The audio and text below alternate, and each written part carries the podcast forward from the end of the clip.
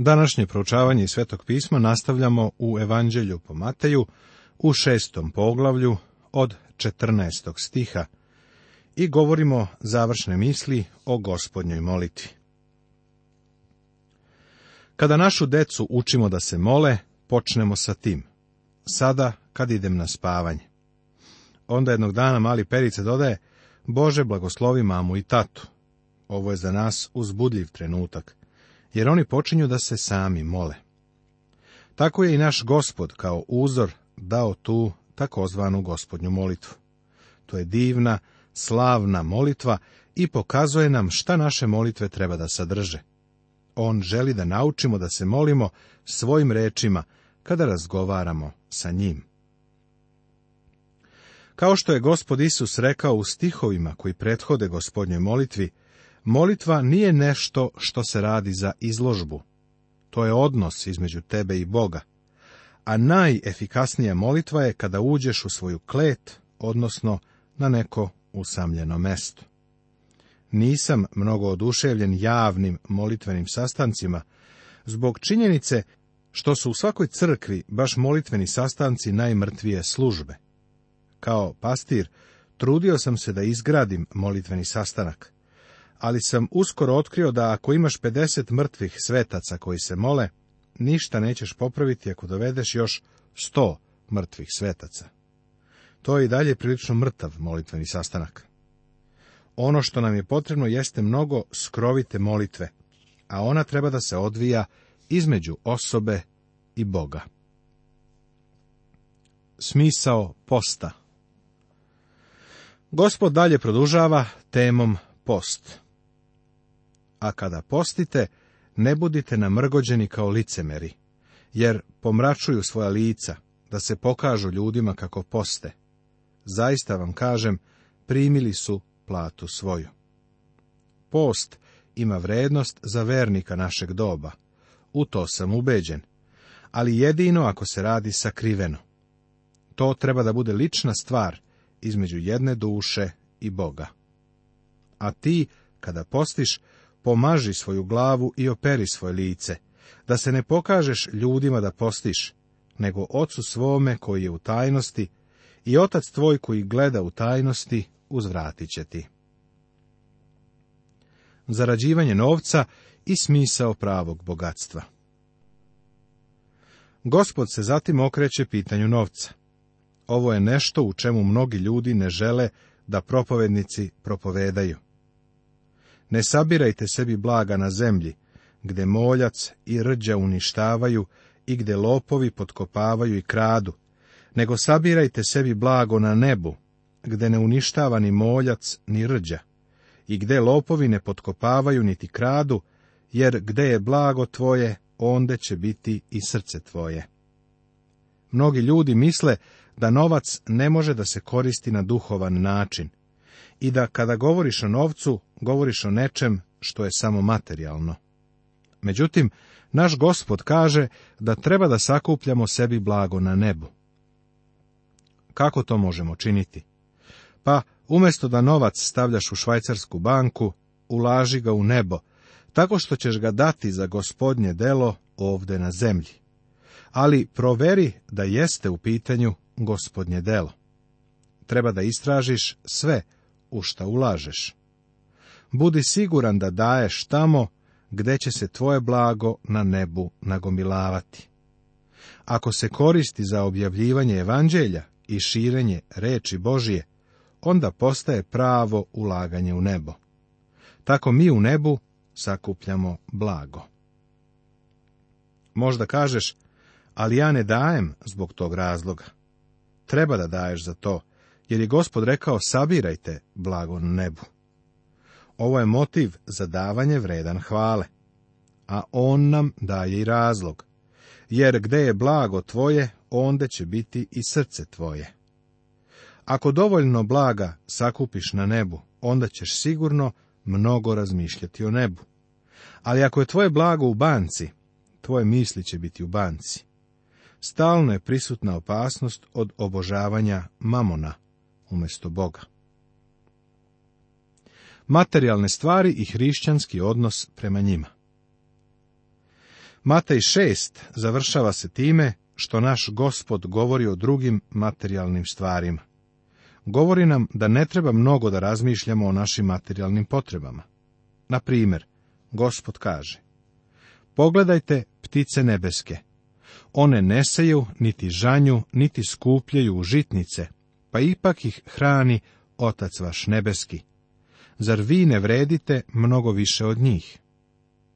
Ptice ne seju, ptice ne žanju. Ptice ništa ne sakupljaju u žitnice, kao što možemo mi. Mi treba da sejemo, žanjemo i sakupljamo isto kao i ptice. Ptica se pouzda da će se Bog pobrinuti za nju, pa i mi treba da se pouzdamo u Boga. Zar vi ne vredite mnogo više od njih? Ovo ne znači da ne treba da budemo razumni, jer Bog nam je dao ovu sposobnost. Jedno me jedan hrišćanin zapitao, Smatraš li da hrišćanin treba da ima životno osiguranje? Odgovorio sam da. Osiguranje je jedno od sredstava koje danas imamo, a koje nam olakšava zbrinjavanje naših porodica i nas samih. Važno je da kroz život ne prolazimo noseći materijalne stvari kao teret. I što se brinete za odelo? Pogledajte ljiljane poljske kako rastu, ne trude se niti predu. U ovom stihu postavlja se pitanje, što se brinete za odelo? Razmisli o tome koliko vremena i muškarci i žene provedu u kupovini odeći. Skoro svi imaju ono iskustvo kad rekoše ne mogu večeras da izađem jer nemam šta da obučem. Pa razmisli o ljiljanima u polju. Oni se ne umaraju, ne predu, a Bog ipak brine za njih. Hrišćanin, naravno, treba da se oblači onoliko dobro koliko može. Biti aljkav u oblačenju i u bilo čemu drugom nije Bogu na čast. Naš gospod ukazuje na lepotu cveća a ja vam kažem da se ni Solomon u svoj slavi svojoj ne obuče kao jedan od ovih. Mislim da on želi da budemo što je moguće lepši. Neki od nas ne moraju zato mnogo da se trude, ali sa onim što imamo treba da činimo najbolje. Ako Bog tako odeva poljsku travu, koja danas jeste, a sutra se baca u peć, neće li mnogo više vas, maloverni? ne treba da budemo potpuno obuzeti stvarima ovog sveta. Materijalne stvari ne smeju biti cilj našeg života. Tražite prvo carstvo i pravednost njegovu, a sve ovo dodaće vam se. Ne brinite se dakle za sutrašnji dan, jer će se sutra brinuti za sebe. Dosta je danu zla svoga. Ne brinite se za sutrašnji dan. Znači, nemojte se sa strepnjom brinuti. On brine za ptice i cveće, pa će brinuti i za tebe. Važno je to da njega staviš na prvo mesto u životu. Neko je rekao, danas je sutra o kome smo brinuli juče. Kakva je ovo istina za mnogi? Poglavlje sedmo Tema Odnos carevog deteta sa drugom decom cara održava se molitvom. Posljednja upozorenja o dva puta, lažnim prorocima, lažnoj veri i o dva temelja. Zabranjeno je suditi drugima. Ne sudite da ne budete osuđeni, jer kakvim sudom sudite, sudit će vam se, i kakvom merom merite, odmerit će vam se. Ovi stihovi su baš pogrešno tumačeni. Suditi može značiti odlučivati, razlikovati, osuđivati, osvetiti se, a može značiti i psovati ili proklinjati. Ovi stihovi ne znače da je detetu Božijem zabranjeno da rasuđuje o drugome, ali znači da ne smemo da sudimo o drugima i njihovim unutrašnjim motivima u smislu da ih osuđujemo. Mi ne znamo niti razumemo zašto bratu Hristu radi određene stvari. Vidimo samo spoljašnje delo. Bog ne zabranjuje da osudimo pogrešne i zle postupke, kao što ćemo vidjeti. Stvar je u tome da ako si grub u prosuđivanju drugih, bit ćeš poznat kao vrsta osobe koja je stroga u proceni drugih osoba. Ja poznajem ovakve ljude, a siguran sam da ih poznaješ i ti. Možda ti je neko rekao, ne obaziri se na to šta on govori. On nikada ni za koga nema lepu reč. Vidiš, sudi mu se na način na koji on sam sudi. O tome naš gospod govori u ovim stihovima. A što gledaš trun u oku brata svoga, a u svome oku grede ne primećuješ? on upoređuje trunku prašine u bratovljevom oku sa velikom gredom u tvom oku. Greda je duh kriticizma i predrasuda. Kada ti to, ta greda, blokira sagledavanje, nađeš se u poziciji da sudiš mali greh neke druge osobe. Ili, kako ćeš reći svome bratu, pusti me da izvadim trun iz tvoga oka, a gle, greda u oku tvome licemere, izvadi prvog gredu iz svoga oka, pa ćeš tada gledati da izvadiš štrun iz oka brata svoga. Pitanje strogog suda je sigurno nešto u vezi sa čim treba da budemo vrlo pažljivi. Iako Isus jasno pokazuje da ne smemo zauzeti strog sud nad drugom osobom, on je također rekao i to da ćemo ljude prepoznati po njihovim plodovima. Pokojni dr. James McGinley je to sročio na svoj jedinstveni način. Ja nisam sudija, ali sam inspektor plodova. Mi stvarno možemo reći da li neki hrišćanin donosi plod. Naređenje o sudu drugima. Sada nas stavlja pred dilemu. Ne dajte svetinje psima, niti bacajte bisera svojih pred svinje, da ih ne pogaze nogama svojim i okrenuvši se, ne rastrgnu vas. Moramo razlučiti ko su psi, a ko svinje, zar ne? Isus ovdje ne govori o četvoronožnim životinjama. Ono što je sve to, ne smemo davati psima ili bacati bisere pred svinje. Prema tome, neki sud moramo doneti. Postoje određene prilike i mesta na kojima uopšte nije vredno reći ni jednu reč. To je sud koji treba da doneseš.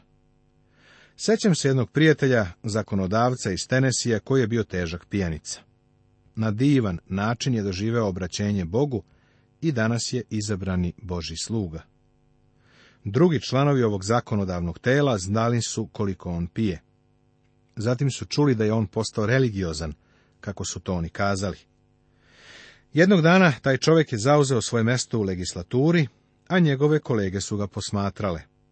Konačno je neko ustao, obratio se predsjedavajućem sastanka i rekao Predlažem da čujemo propoved od đakona toga i toga. Svi su se nasmijali. Ali moj prijatelj je bio dorastao ovoj situaciji. Ustao je i kazao, žao mi je, nemam šta da kažem. Moj gospod mi je rekao da moje bisere ne bacam pred svinje. Seo je a oni mu se više nikada nisu podsmevali. Policijski inspektor u Yorku mi je pričao o izvesnim stanovima koji su bili puni homoseksualaca. Rekao mi je, oni znaju da sam hrišćanin. I kada su ih doveli u policijsku stanicu, oni su mi rekli, ajde, propovedaj nam. Ali ja nikada ne bacam bisere pred svinje. Pogledao me je i rekao, pretpostavljam da misliš da sam tvrdokoran, ali ja sam u tom kraju bio detektiv i poznajem te ljude. Godinama sam sa njima radio. Hteo bih da kažem da u našem društvu postoje i svinje i psi. Šta treba da radimo?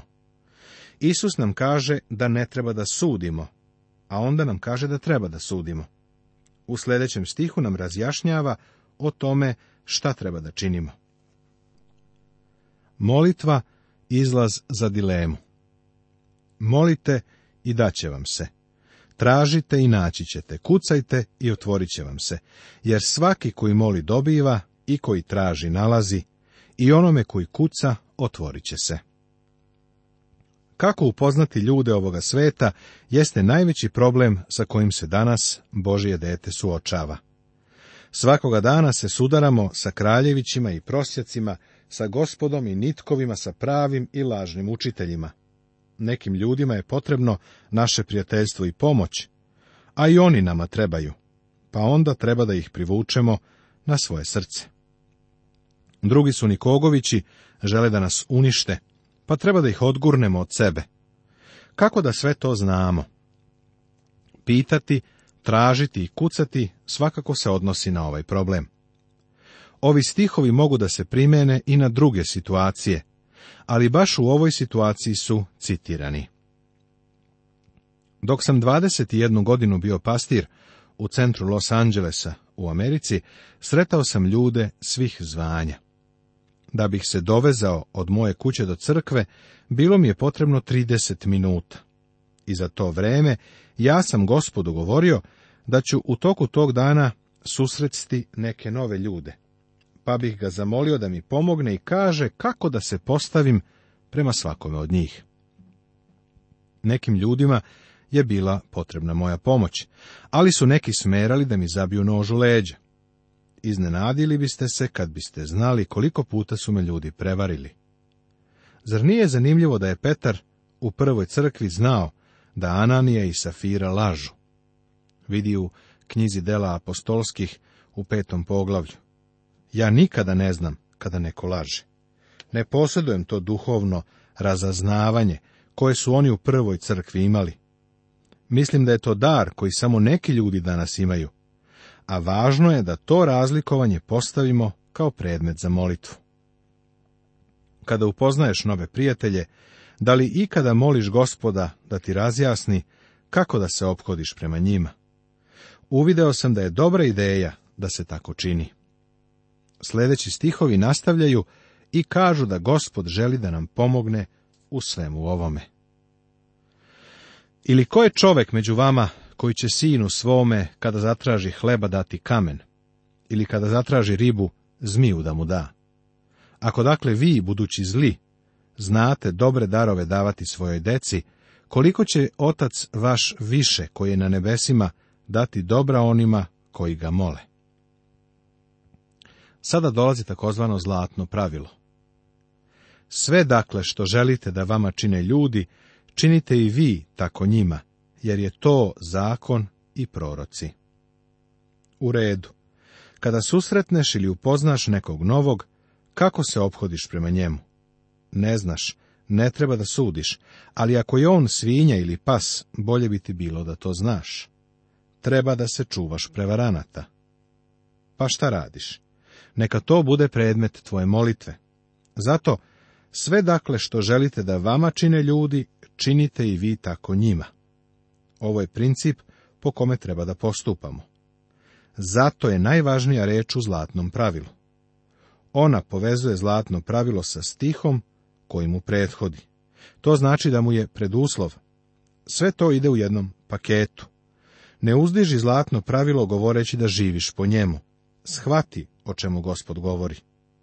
Samo ako molimo, tražimo i kucamo, u stanju smo da živimo u svetlu zlatnog pravila. Dva pravila Uđite na uska vrata, jer su široka vrata i prostran put koji vodi u propast, i mnogo ih je koji njime ulaze. Kako su uska vrata i stešnjen put koji vodi u život, i malo ih je koji ga nalaze. Slika koja se ovdje daje nije slika izbora između širokog belog puta na kome je vrlo zabavno i uske, mračne, neprimamljive staze. U stvari, on nam daje sliku levka. Ako u levak uđeš sa široke strane, levak se sužava sve dok ne dođeš do smrti, uništenja i pakla. Ali u levak možeš ući sa uske strane. Tu je Hristos, on je put, istina i život. On kaže, ja sam došao da imaju život i da ga imaju u izobilju. Što duže hodaš sa njim, to put postaje širi. Sjeti se da je u Jezekiljinom proroštvu bila reka, koja teče iz Božijeg trona. Počinje kao mali potok, a onda se širi, povećava, sve dok ne postane velika reka. Ovo oslikava život Božijeg deteta. On postaje svakoga dana sve bolji. O ovome je ovdje govorio naš gospod. Nastavit će se.